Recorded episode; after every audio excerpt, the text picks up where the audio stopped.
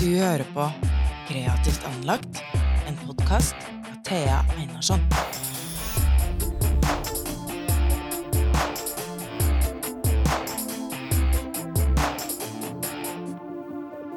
Minne Jane, Yay! velkommen til den første episoden av Kreativt anlagt. Takk. Veldig gøy å ha deg med. Du var faktisk den første som jeg tenkte på at jeg hadde lyst til å ha med. Du er også den eneste av alle gjestene som jeg kjenner fra Ja. før av. Da er det litt trygt å starte med deg. Mm. Eh, så da er det jo interessant å kanskje si kort om at vi eh, ble kjent i 2015. Oi, såpass? Ja, Ja, jeg, jeg regna meg tilbake. Ja. Og så møttes vi igjen for kanskje litt under et år siden. Ja. Og da tenkte jeg på å lage en podkast med en gang, så da fant jeg på notatet på mobilen her. Så skrev jeg ned dette.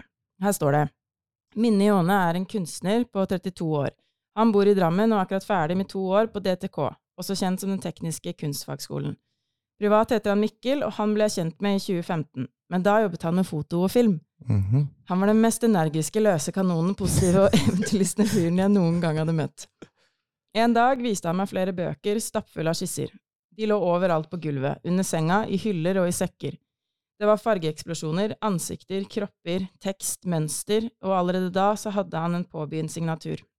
Syv år senere møttes vi igjen, på en mørk bar med nesten ingen gjester. Innimellom gamle minner, øl og gjensynsglede sier han plutselig at nå er tiden inne for å ikke holde kunsten skjult lenger. Det gnistra i begge våre øyne, har jeg skrevet kleint, men det er jo Det akkurat det de gjorde. Det var det. Og så, eh, til slutt, står det Mikke legger til at han er redd før sin første utstilling. Eh, men han går likevel all in, skifter navn på Instagram, Facebook og TikTok, pluss inviterer til sin aller første utstilling. Nå er han Minne i Jåne. Yay! Det var koselig, da. Hvordan har det vært å starte som uh, kunstner?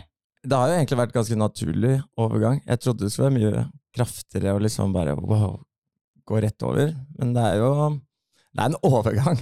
Det er det. Økonomisk kanskje mest, og kanskje litt sånn Du fighter jo bare med deg sjæl. Du har liksom ikke noen kunder. Du er, du er kunden. Så du går jo veldig inn i deg sjøl, hele tida. Så den kampen har jo vært ganske mye mer heftig enn hva jeg trodde den skulle bli. For du blir veldig spesifikk på hva du driver med, da.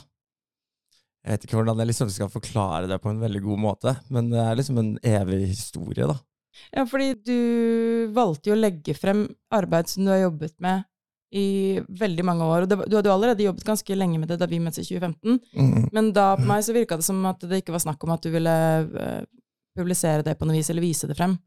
Nei, jeg har kvia meg veldig for å vise det frem, selvfølgelig. Men uh, alt Altså, hele navnet mitt spiller jo på hva jeg egentlig maler. Jeg maler jo minner, eh, egentlig.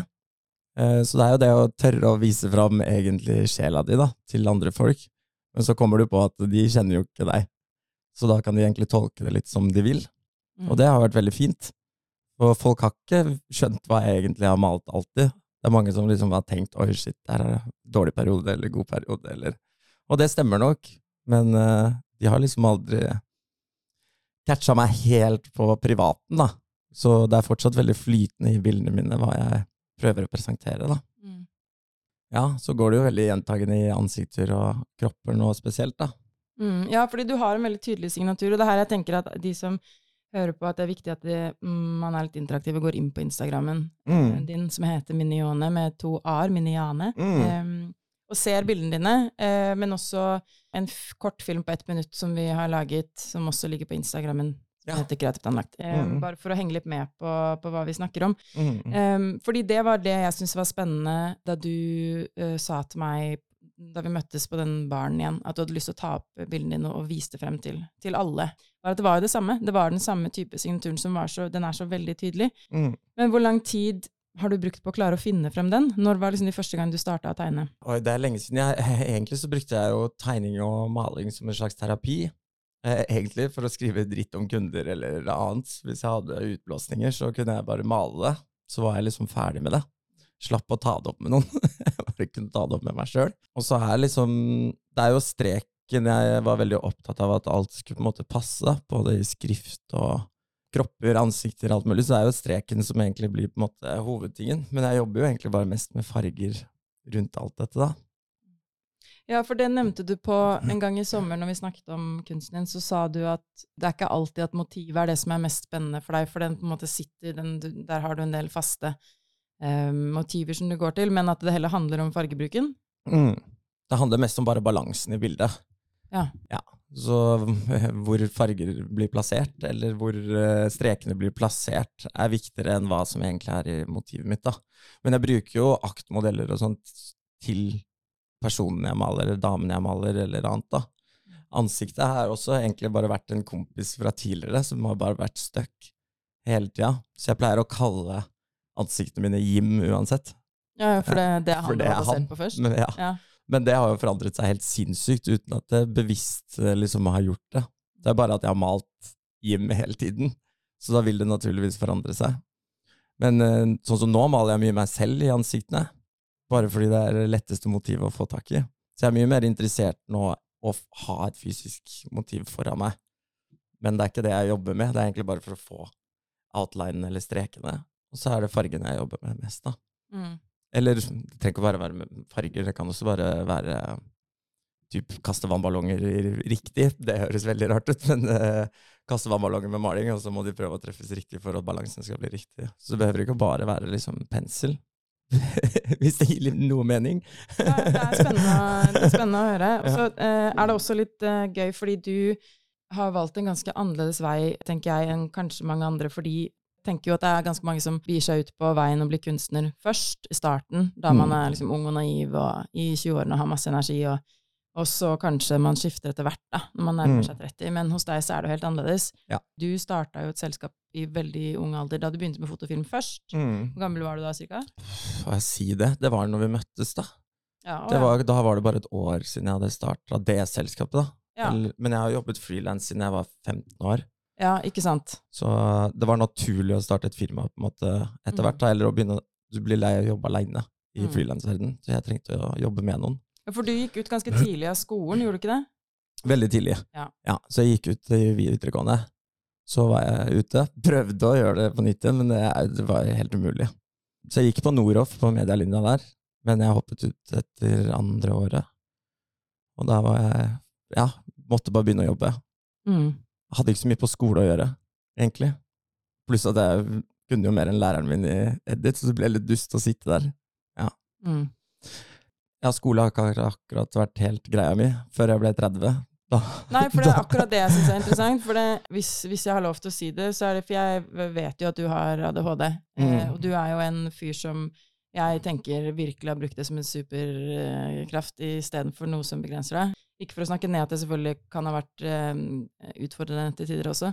mm. Men eh, ja, da å kunne ha energien til å kunne klare å starte noe eget når man er så liten, eller så ung, da. Da syns jeg også det er spennende at du da nå mm, tør, eller velger, eller hvilke ord du har lyst til å bruke, på å starte studier igjen nå i en alder av 30, da. Og For da tenker jo jeg at skolebenken ikke er et sted som du kanskje kjente på mest mulig mestringsfølelse på, da, fordi skolen ikke var så flink til, å tilrettelegge osv. Ja, og det er ikke skolens feil heller, altså, men eh, det er bare Det er noen elever som sklir ut. Sånn er det. Det er bare sånn. Mm. Jeg tror jeg bare var veldig mottakelig for å ta imot tips og råd når jeg liksom var eldre, da. Eh, Jeg begynte jo på kunstskole bare fordi at jeg vil lære mer teknikk. Ikke for å lære kunst, men teknikker er alltid en key, da. Det er det både i foto og video også. Du vil alltid fortsette å lære. Og jeg tror ikke man skal stoppe. Det var synd jeg ikke fikk gikk tredje året, til og med. Det er jo det som er kjedelig nå. Ja, hvorfor gikk ikke For du har gått to år på Rett og slett fordi jeg ikke fikk Lånekassen, så da kunne jeg ikke Skolen vår var ikke signa opp for at tredje året fikk jeg støtte med Lånekassen. Så det er egentlig bare det. Så det er egentlig bare veldig trist. Ja, Men er det noen elever som i det hele tatt har råd til å gå tredje året, da? ja, de som Nå er elevene på den skolen her over 40, og så de har jo på en måte en, De er gift, da, så da har de jo penger, da. Men eh, fordi de er gift. Fordi de er gift. ja, de gifta seg dyrt. De gifta seg dyrt. Det har ikke vi gjort ennå. Ja. Nei. Privatskole, er det ikke det? Jo, eller Ja, det blir jo på en måte det, da. Er det ikke da 100 000 i året? Eh, nei, det er det ikke. Det er mye mindre. Ja, så Det er ikke så dyrt å gå på skolen, men det er jo det å kjøpe alt tillegg, da. Mm. Lerret, staflier, eh, alt dette koster masse, da. Kunst er dritdyrt, det er det dyreste jeg har vært borti, liksom. Kjøpe en liten malingstube til tusenlappen, og så har hun så vidt malt et bilde, liksom. Det er jo helt krise. Ja, så det er, eh, det er en dyr hobby, da. Men nå er det jo ikke en hobby heller, nå er det jo en livsstil mye mer enn hva det er eh, enn at du står og maler. Det er, jeg lever i det, da. Ja. Ellers så tror jeg ikke jeg kunne ha fortsatt med det, heller. For det er, livet mitt er jo kreativiteten, ikke, ikke selve bildet. Så jeg må leve i det for å liksom få energi til det. Mm. Ja, for det er eh, Det syns jeg er interessant du sier, fordi det er noe jeg virkelig har lagt merke til. Det tenker jeg flere av oss som har kjent deg eh, i noen år før. Fordi Mm. nå, når du eh, lanserte Minione, så har, opplever jeg at det også er en rebranding av deg, av Mikkel også. Mm. Um, så lurer jeg litt på hvorfor du har valgt å gjøre det på den måten. Nei, akkurat nå så ser jeg egentlig på meg selv som en konseptkunstner, mye mer enn hva jeg ser på meg selv som en maler eller uh, sånne ting. Så da vil jeg jo jeg er livsstilskunstner, eh, hvis jeg kan si det. Så jeg vil på en måte være kunsten min også.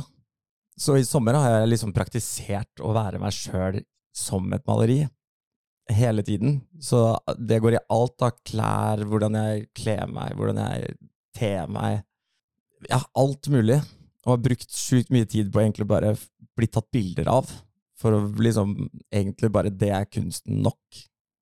At jeg er i bildet. Så bra skal kunsten min være til slutt. da At det ikke har noe med bildene mine å gjøre, det bare har noe med verden min å gjøre. Så jeg liksom skaper mitt eget univers. Og det tror jeg ikke jeg hadde klart uten å liksom gå all in i det med meg sjøl. Da. Men det er jo kan jo være faretruende nærme narsissisme, da. Ja, er ikke ganske nærme. Ja, ved å si at liksom du Fordi eh, hvis jeg kjøper et bilde av deg, så er det jo bildet jeg er interessert i. Nå i denne sammenhengen så er jeg også veldig interessert i deg fordi jeg også lager en podkast, liksom. Ja, ja. Så, um, så her funker det jo ti av ti. Men treng, trenger, man, eh, trenger man det? At artisten eller kunstneren selv også er spennende? Nei, det tror jeg ikke. Jeg tror det kommer veldig Hvis du er en skikkelig maler, da, så tror jeg ikke du har tid til å tenke på det konseptuelle rundt det. da. Da er du bare så inne i bildene dine. Jeg var det veldig i fjor, for eksempel. Da var det bare maling hele tida. Men du blir også litt sjuk i huet av det etter hvert, da. Fordi du Ja, du detter ut av samfunnet til slutt, da. Totalt sett, liksom. så det, det var da jeg begynte å tenke at ok, jeg må kanskje koble flere kunstting. Ja, eller igjen, konsepter mer enn at det er kanskje kunst, da. Det Mm. blir kunst av det konseptet, da. Det er gøy å stille kritiske spørsmål på det, men jeg Mm. må også innrømme at jeg, jeg syns jo Push Wagner, for eksempel, arbeidet hans er Der kan vi snakke i en hel evighet over hvor enormt fascinerende og, og spennende det er. Men han som person også blir for meg også et ekstra kunstverk ved siden av, eller kunstverk, men, det, men han blir et ekstra, et ekstra Hva skal jeg si, da? Noe ekstra, i hvert fall Ja, ja, ja. som er kjempespennende. Så jeg kjøpte en, eh, en sånn en biografi, en bok som han har skrevet. Hva heter den? Jeg har den her borte. A Warning to Society heter den. Mm. På Pushwagner-museet i Oslo. Kjempespennende å lese. Og han er jo et rote uten like, liksom. Eh, Det er mye narkotika, det er mye surr, det er mye kaos. Og det er veldig nære, mye av den romantiske ideen man liksom vil ha med kunstner, at det er mye surr, det er mye kaos. Og så lurer jeg litt på, føler du at uh, jo mer annerledes, for å bruke det ordet, du er, jo mer kunstner er du. Føler du sånn at du må leve opp til noe for å liksom bli godkjent, eller whatever? Nei, Nei. det gjør jeg ikke. Det er mer morsomt Eller ja, på en måte, kanskje, men jeg liker jo å provosere, da. Jeg er jo typen som tar på meg kjoler og går på byen og ja, gjør det bare egentlig mest for å provosere, eller bare for at jeg syns det er gøy. Hvorfor har du den nysgjerrigheten mot å eh, provos For provosere er jo, det er jo ganske negativt. Ja. Eh, ja. Jeg, jeg ville heller kalle det en positiv provosering, da. Oppvåkning, liksom. Litt at folk kan le av det. Mm. Kanskje mer humoristisk enn hva det er eh, Jeg går ikke rundt liksom og er stygg. Det gjør jeg ikke. Jeg bare eh, får folk til å se på meg, på en måte, og så syns de det er rart, eller de syns det er spennende. Kanskje mer at jeg syns det er spennende at de syns det er spennende. Hvorfor syns du det? Vi har ha gode samtaleemner, da.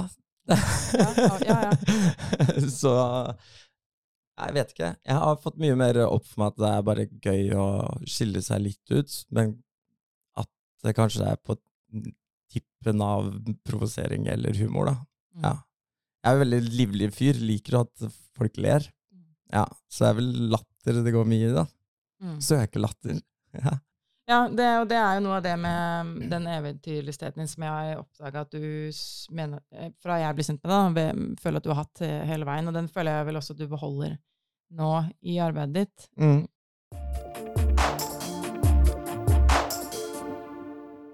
Jeg lurer litt på, hvis vi kan gå tilbake til litt om hvordan bildene dine ser ut Mm. Jeg har jo mine tanker som jeg helt fint kan eh, dele, om hvorfor jeg tror eh, folk syns bildene dine er bra, og hvorfor folk vil ha det på veggen. Men det er spennende å spørre deg hva, hvorfor du tror at det funker, da. Fordi nå har du, du har hatt en del utstillinger nå eh, etter du fikk rett i trynet at du ikke kunne fortsette på tredjeåret på Mm.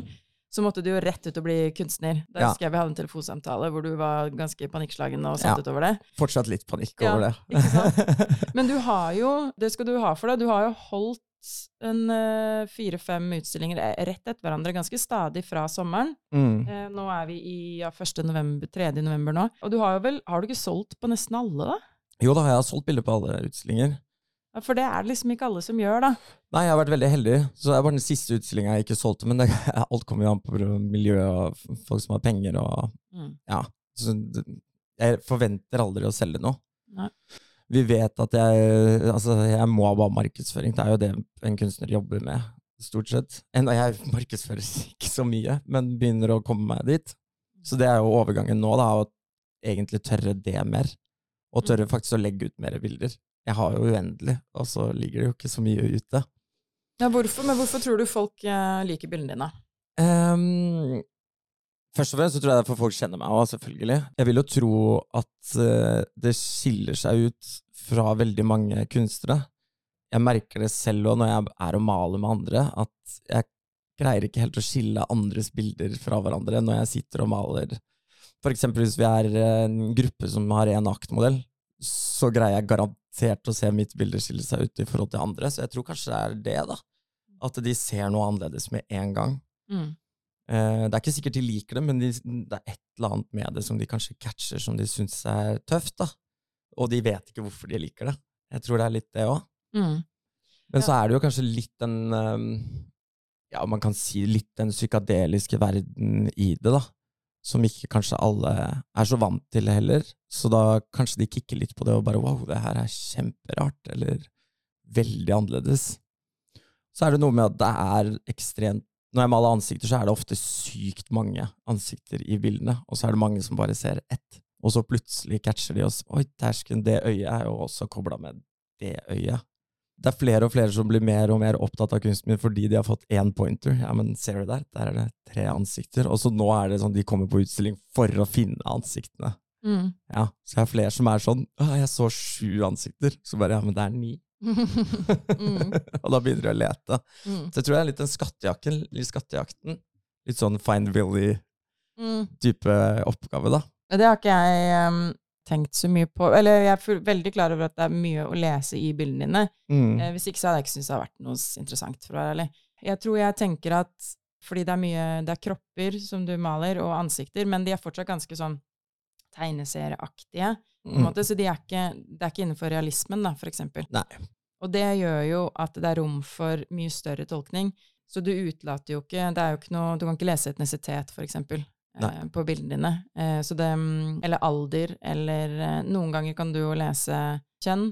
Mm. Men eh, jeg tenker at det er såpass versatile, da. Og det er fargerikt, så det er dekorativt å ha hjemme. Og det er heller ikke så direkte fordi det ikke er Når det er ansikter, så er ikke de sånn Det er ikke øyne som stirrer deg direkte ned i et realistisk bilde, da. Nei. Så da blir det ikke så, så voldsomt å ha hjemme. Så jeg tenker at liksom det er en del av de tingene også som kanskje kan funke, da. Absolutt. Eller samsvarer det med noe av det du har tenkt? Ja, ja, absolutt. Jeg tenker jo egentlig alltid at bildene mine på en måte Det skal være kontrasten hvis du kjøper det i huset ditt. Ja. Ja, og det, Det er det. det, det er det. Det kan jeg skrive på. Jeg har, har løpt rundt, jeg har fått et bilde av eh, Mikkel, som jeg har, eller Minionne, som jeg har løpt rundt i hele leiligheten med. Eh, ja. ja, så skal krasje litt, da. Eh, Men jeg tror det er det som også for kjøpere kanskje er kult, da. Mm.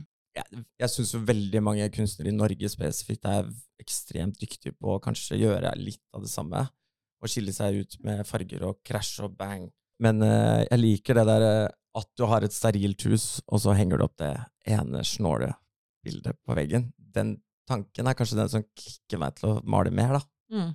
At jeg vet at eh, det er en som kjøpte det, for han digger det, men han aner ikke hvorfor. Og så henger han det opp, og så funker det hele bra i huset hans, selv om han er ikke en sånn person i det hele tatt. da. jeg tror jeg kikker litt på det, da. Ja, det, jeg nå bare begynte jeg å tenke på når du snakka om det, om eh, tilbake til den lekenheten. Fordi jeg vet jo at du liker å, å liksom kødde litt med folk. Eller, men også kødde med kunsten, fordi kunst kan være veldig elitistisk. Det er kanskje det beste ordet på det. Du rocka jo ganske ved det en gang hvor du hang alle bildene i en utstilling opp ned. Ja. Uh, hva, uh, hva var greia med det igjen? Nei, det var egentlig litt uh, På første utstillingen jeg hadde, på um, Papirfly i, på Fornebu, Mm. så um, var jo det egentlig litt sånn test for min egen del. Hva som funker, og hva som ikke funker. Og alt funka egentlig. Uh, det var bare litt morsomt å sjekke. For eksempel, jeg byttet ut hele utstillingen i én gang for å sjekke om bartenderne la merke til om de hadde byttet, og det var det jo ingen som gjorde. Så det syns jeg også er spennende. Så det er litt for å se om folk legger merke til det. Og det var liksom moren min som la merke til det, og hun hadde bare vært der to ganger. Og så tenkte jeg ok, hvis jeg snur alt på huet, skal vi se om de legger merke til det. Og da fikk jeg solgt et bilde Ja, på det? huet. Opp ned? er så det syns jeg var litt artig òg, da. Og Ja, da det gadd jeg jo ikke å si Nei, at det var opp ned. Du må jo ikke det. Du må aldri si det. Så jeg tror eh, Men det kan også ha med at eh, når jeg maler så er det noen av bildene mine som kan gå både opp ned eller begge veier. Det er noen ganger jeg snur på de, og så maler jeg Mm. en kroppshånd og en omvendt vei. Mm. Eh, eller et ansikt som er én vei, og en kropp som er andre veien. Og det er litt fordi at man kan snu det. Hvis du blir lei, så snur du det, og så bare wow, det er jo helt annerledes. Ja, Så jeg tror det egentlig det kan funke alle veier. Og det er jo også noe med at jeg egentlig ikke Det er ikke spesifikt hva som er på bildet. Det er mye mer hvordan det er balansert, da. For det vil fungere uansett hvilken vei jeg snur på det. er vel egentlig et mål, da. Ja, balansert fargemessig. Ja. Hvis jeg tenker på det nå, så er jo det kanskje et underbevisst mål. Mm. Det er det derre lille sparket eller fuck you til det elitistiske i det som jeg bare syns var det som eh, jeg likte best ved det. Men det er også interessant å høre at det også gjelder fordi eh, du tenker balansebildet, at det skal kunne funke litt eh, hvor som helst. Du er med i noe som heter Ekte demoner. ja. Kan du forklare hva det er? Ja, det er en ny eh, kunstgruppe med en eh, gjeng med gjeng med tullinger. Nei, vi er eh, Vi prøver å mm, eh, Egentlig så er det bare en kunstgruppe fordi vi eh, liker å male sammen. Det var jeg og eh, Sune og en som heter Isar, eh, som jeg gikk på skole med. Som jeg traff på skolen, faktisk. Så vi er, Ekte Demoner er et svært crew. Både driver med media og alt, alt mulig. Det er ikke bare kunst, men jeg er på kunstsiden av det. Eh, som jeg og Isar eh, hovedsakelig styrer. Eh, hvor vi kan på en måte få snakket om egentlig problemer, da. Eh, angst eller depresjoner eller rus eller Hvor vi rett og slett kan bare spytte det ut, og så treffer vi folk som faktisk kanskje er i litt samme bane. Alle har sin ting. Så det er det ekte demoner på en måte spiller på. At alle har en liten demon på skulderen. Det er basically liksom malen på det, at vi alle har en demon. Om vi liker den eller ikke, det er litt opp til enhver. og så prøver vi å få det ut, da. Så i Ekte demoner, eh, akkurat nå så skiller jeg Minione er blitt mye mer fokus på figurativitet, eller kropper, og demonene har blitt mye mer over til ansiktene. Oh, ja.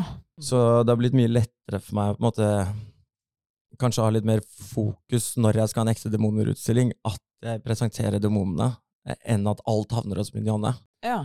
Eh, så det er egentlig bare en plattform for min del å skille på de to forskjellige tingene. da. Kanskje litt dystrere ting på ekte demoner, og i Minione begynner å bli litt mer rosa og gul. Men eh, navnet Ekte demoner det er da en fellesbetegnelse på uh, den, den gruppen av kunstnere som har samlet seg sammen i, et type kollektiv? Ja, Ja. og mediefolk. Ok. Ja, men vi er bare ja, Kunstdelen og mediedelen blir litt splitta, men vi er bare et svært crew som hjelper hverandre. Ja, ok. Så det er for å uh, altså, lage eventer sammen for å få ut kunsten, eksempel? Ja. Ja. Sånn som nå hadde vi jo en snowboardfilm uh, vi hadde premiere på. Og det er den andre siden på en måte av hele crewet. Mm. Ja, fordi da hang dere kunstnerne opp uh, bildene deres. Ja, Ja. på deres premiere. Mm. Ja. Men felles er vi jo ekte demoner, da. Men det hørtes ut som det var litt som det hadde noe med psykisk helse å gjøre der også? Altså, eller? Ikke der. Nei. Der var det ikke så mye med det. Nei, ikke på det eventet, men altså hos ekte demoner, når, du snakket om Ja, så er det om psykisk helse, ja. Eller egentlig mest rusproblematikken, da. mye rusa folk, og bra å prate om åpent om det. Det er ikke bra alltid, så det er bra å få det ut at det ikke er det beste å gjøre i livet, da. Mm. Ikke pynte på det og si at det er bra, heller si at det er rett og slett ikke greit, da. Men å fortelle om opplevelsene, men på en litt sånn underbevisst måte. Jeg tror det er litt for å få det ut fra både meg og Isar og flere andre, hva vi mener underbevisst til andre, da. Mm. Så de Mm. kan tolke det litt som de vil, men det kan være litt hardt noen ganger. Mm. Ja, for det er jo ikke underkjent at rus har vært eh, etablert i kunstverden lenge, da. Mm. Eh, og det har vel ikke i det hele tatt vært nærheten av å stoppe heller. Nei. Og det er jo veldig mye av det i Oslo. Det er jo det har alltid vært interessant når du og jeg snakka om det, fordi vi, her, eh, vi er jo veldig forskjellige på, på rus. Ja. Men eh, desto mer spennende å snakke om det, egentlig. Mm. Eh, fordi da er det en på den ene siden av bordet som sitter med masse opplevelser fra det, mens den andre ikke har det. Så det blir litt sånn to umulige verdener å skulle forstå hverandre, men Mm. uh, ja, det er det jeg syns gjør det interessant, da. Mm. Man kan liksom lett si ah, bildene dine er fargerike og gøye, eller så Mm. kan man si sånn nei, det er jævla trippy, da. Ja. Ikke sant? Ja. Så det kommer an på dine egne referanser. Ja, ja. Jeg vil jo si at det er en ganske psykadelisk verden i bildene mine, men uh, jeg ruser meg jo ikke når jeg maler. Nei, det gjør ikke det? Nei, da går det jo ikke. Så det er en helt sånn merkelig ting som kanskje folk som ikke ruser seg, ja, på en måte ikke tenker over, det. De tror sikkert at vi tar masse sopp og står og maler, men det går jo ikke. Det flyter jo rundt. Mm. Så det blir jo helt tullete. Eh, så det er vi Det er derfor det fortsatt blir en terapi, da, å male. Ja, og det gjør at man dropper rus eller andre ting også, da. Så det er det vi vil prøve å si. For det er mange som tror at de skal gå inn i malerverden fordi de har prøvd syre for første gang, og så har de blitt kunstnere. Mm. Men det stemmer jo ikke. Da går det dårlig, da. Da kommer det til å bare bli en, en ja, tie-dye-T-skjorte, liksom. Yes. ja, det er så, det, ja. Ja. Sånn, rus. Ja, det er gøy. Ja. Nei, så det er jo eh, Man kan si at man har fått opplevelser med rus, men også til det negative. Eh, men det kan også være positivt i kunst igjen, da. Så det er mange negative opplevelser som man kanskje Det er kanskje de det kommer mest ut av i kunstverden. Mm. At du har vært på bånn, eller at du har truffet veggen, liksom. Eller redsel, i det hele tatt. Ja, Eh, angst også er det, det er veldig mange kunstnere som har eh, malt om det. Ja, jeg maler jo masse om det sjæl òg. Jeg er jo surre ut av ville helvete, så det er ikke rart jeg får angst. Så jeg har mine ups and downs-perioder. Maler kanskje best når jeg er down. Merkelig nok. Mm. Ja, jeg syns ikke det er så merkelig, faktisk. For det, det å skulle drive og lage arbeid selv når vi, eh, Det verste er jo hvis jeg, hvis jeg skulle være forelska eller kjempebetatt av noen, Fordi da er man jo ikke i kontakt med en dritt. Mm. Så da er jo alt bare uh, Ja. men, eh, Så det, det er jo det verste. Ja. Så sånn faglig sett så har det vært jævlig kjipt, på en måte, da, i Mm. det fine, hvis jeg har vært der. Men eh, hvis jeg er på en måte bare vanlig mellow, Mm. eh, eller hvis jeg, eh, ting er vanskelig, det er jo som regel da jeg eh, kjenner på mest eh, kreativitet. Det er, mye, det er lettere å hente frem. Ja, og så motiverer du deg selv liksom, til at det skal gå bra igjen, kanskje. Så man liksom vet Ja. at det hjelper, da. Ja, og Å få du... det ut og Ja, prate det. om det. Det blir litt som å snakke til en psykolog, bare at du har et lerret. Mm. Men eh, man får- snakker mye med seg sjøl, da. Så det er jo det som kanskje blir litt skummelt eh, i lengden, da.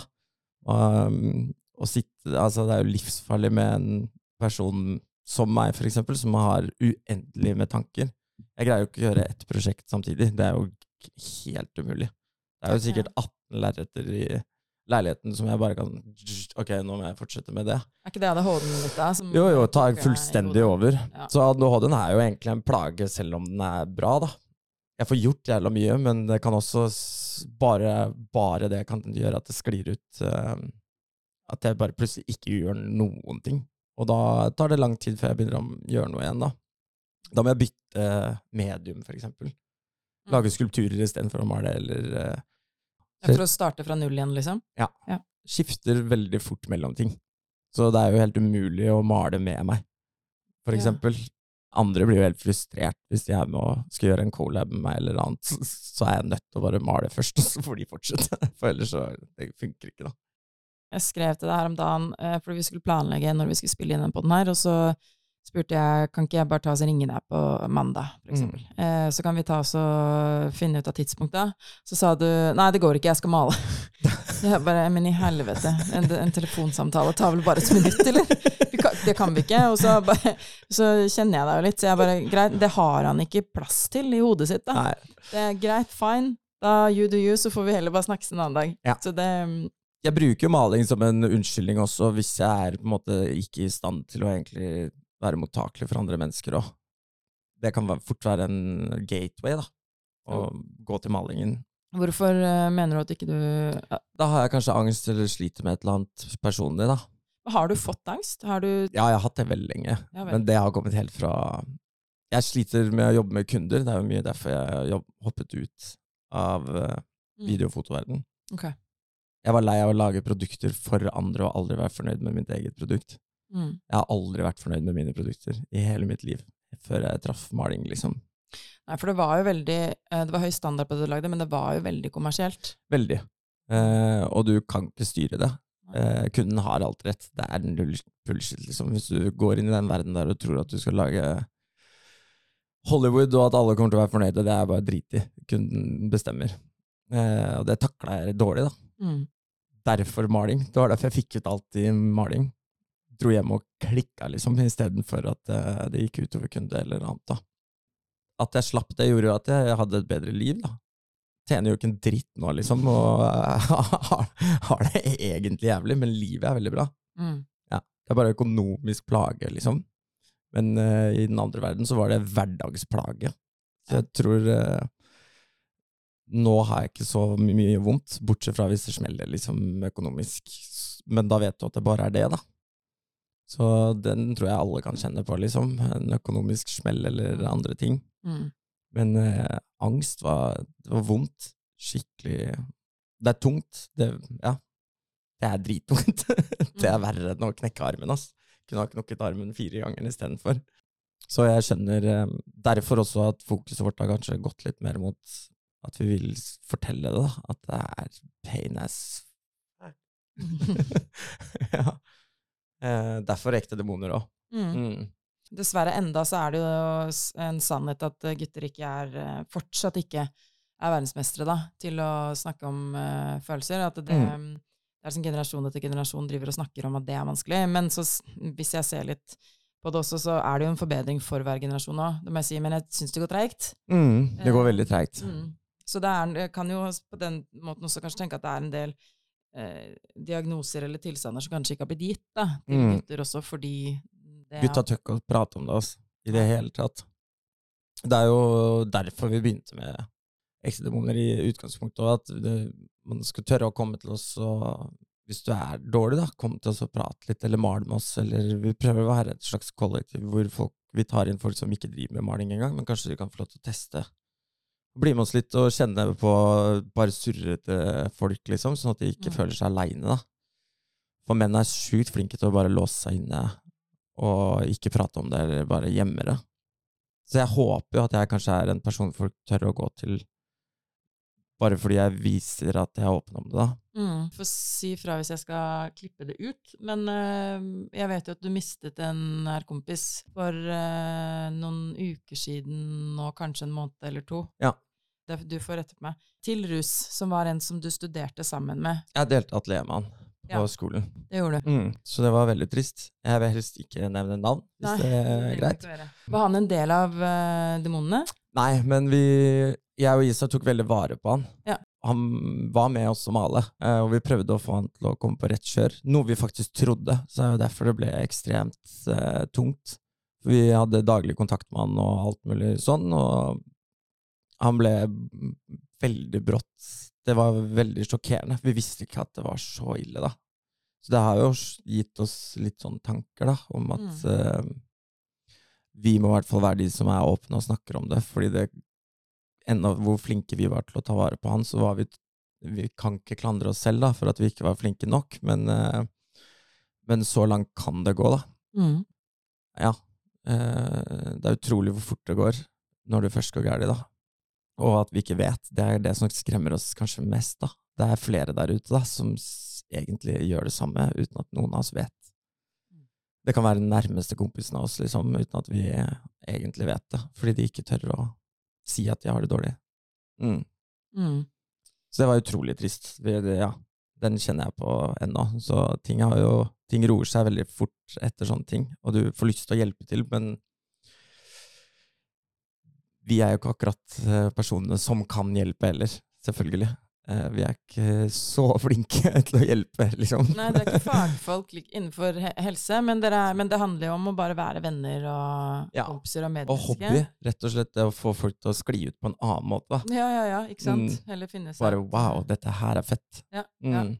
Ja, men det, det visste jeg faktisk ikke, helt ærlig. Eh, ekte demoner har ikke helt klart å få taket på det, hva det egentlig er. Mm. Så, dere har jo en Instagram-profil som heter bare Ekte demoner, som man kan søke opp. Men Ja. den, eh, dere har begynt å legge ut litt stories og sånn, men det er vel ikke noe særlig bio eller bilder der ennå? Nei, vi har lansering i desember, eh, så egentlig nå har det bare vært en litt sånn derre Ok, vi er her, og vi har bestemt oss for at dette skjer. Mm. Eh, så er det egentlig bare Det blir sånn kunst, eh, kunstgalleri på Instagram med Mm. forskjellige kunstnere. Så er det veldig kult. Vi har fått med Nå har vi jenter med også, så det er kjempegøy. Og det er ikke bare maling, liksom. Vi har en jente som lager klær, en som er maler, selvfølgelig, og driver med illustrasjoner. Det er stort sett Isar som er selve maleren. Jeg blir konseptkunstner, og så har vi flere fotografer som er med. Det er bare for å lage en gjeng med masse forskjellig, og så tror jeg det er en kul kunstplattform totalt sett. Så vi prøver jo å få med flere til å jobbe med oss, så vi håper jo at, eh, at vi kan få hjelp eller være til hjelp for rusorganisasjoner eller andre, Mm. andre ting, da. Eh, Du, du sier at dere har lansering for Ekte demoner i desember, og denne podkasten kommer til å komme ut i, på nyåret i 2023. Mm, Eh, så da vil jo det være oppe og går når denne episoden er ute, da. Ja. Faktisk. det vil det. Så da har man mulighet til å se på det. Mm. Men eh, fremover, da. Jeg vet at du har søkt deg inn på en ny kunstskole i København. Ja, eller jeg har bare søkt der, og så har jeg søkt på en i Berlin, så jeg håper jo egentlig at eh, jeg kan fortsette. Jeg har veldig lyst til å lære mer teknikker. Eller så er jeg veldig usikker på hva jeg skal framover. Jeg skal til Afrika en tur, på Africa Burn, eller Burning Man i Afrika, hvor jeg skal drive og være litt kunstner der. Ja, for det er en festival, en ganske spesiell festival i Afrika. Ja. Og det er vel ikke dekning der ute, for det er ute i ørkenen. Null dekninger, ingenting, så det er åtte Mm. timer ute i ørkenen fra Cape Town, da. Så du må komme deg dit, ha med deg alt selv. Er det, det er ikke lov til å gå med merkeklær der, eller noen ting. Du har ikke lov til å ha på logoer. Eh, så alt blir så nøytralisert, da. Men eh, det er en spennende ting, og kunstverden der er helt sinnssyk. Eh, det jeg kicka på mest der, da, var kunst. Jeg møtte en fyr da, som har bygd liksom en ja, Det var åtte meter høyt, en leilighet, liksom, altså et hus, og alt er lagd i tre, for det skal brennes. Og det hadde han brukt fem år på. Så han kom dit med det han hadde brukt fem år på, og så brenner det.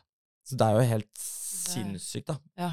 Så det er noe som i kunstverdenen som er 'kill your darlings', og det er der He Ja. killed his darling, altså, Ja, men på høyt nivå, da. Det er sånne ting jeg fascineres av, da. At da ble jeg veldig liten igjen, som er ganske aktiv i kunst hver dag. Hvor du bare møter en person som har jobba med ett prosjekt i fem år, og så er han fornøyd, og så brenner vi det opp. Det var helt Det ble helt absurd for meg, da. Jeg, ikke, null, jeg har null forståelse for det ennå, liksom. At det Ja. går an, da. Han tjente null kroner på det, og det er liksom bare Det er litt som eh, Åh, hva heter han street art, en av verdens mest kjente? Han som eh, ødela Banksy. Ja, som ødela bildet sitt på en eh, Var det kunstutstilling, eller var det en sånn Auksjon. Auksjon var det. Ja, sånn shredda Det shredda seg selv, ja. Ja. Eh, Det var helt Så ble det jo ikke helt shredda, så da ble det jo dobbelt så mye verdt, ikke sant? Ikke sant. Og hans poeng var jo å kødde med ja, penger, og da ble det litt omvendt, da, kanskje. ja, ikke sant? Det, for det er jo eh, igjen det der eh, Tilbake til det vi snakka om i stad, å tulle med det Eller rokke litt ved det elitistiske ved kunst. Mm. Eh, Men jeg vil jo selv si at verdien er høyere nå. Nå er det jo enda fetere.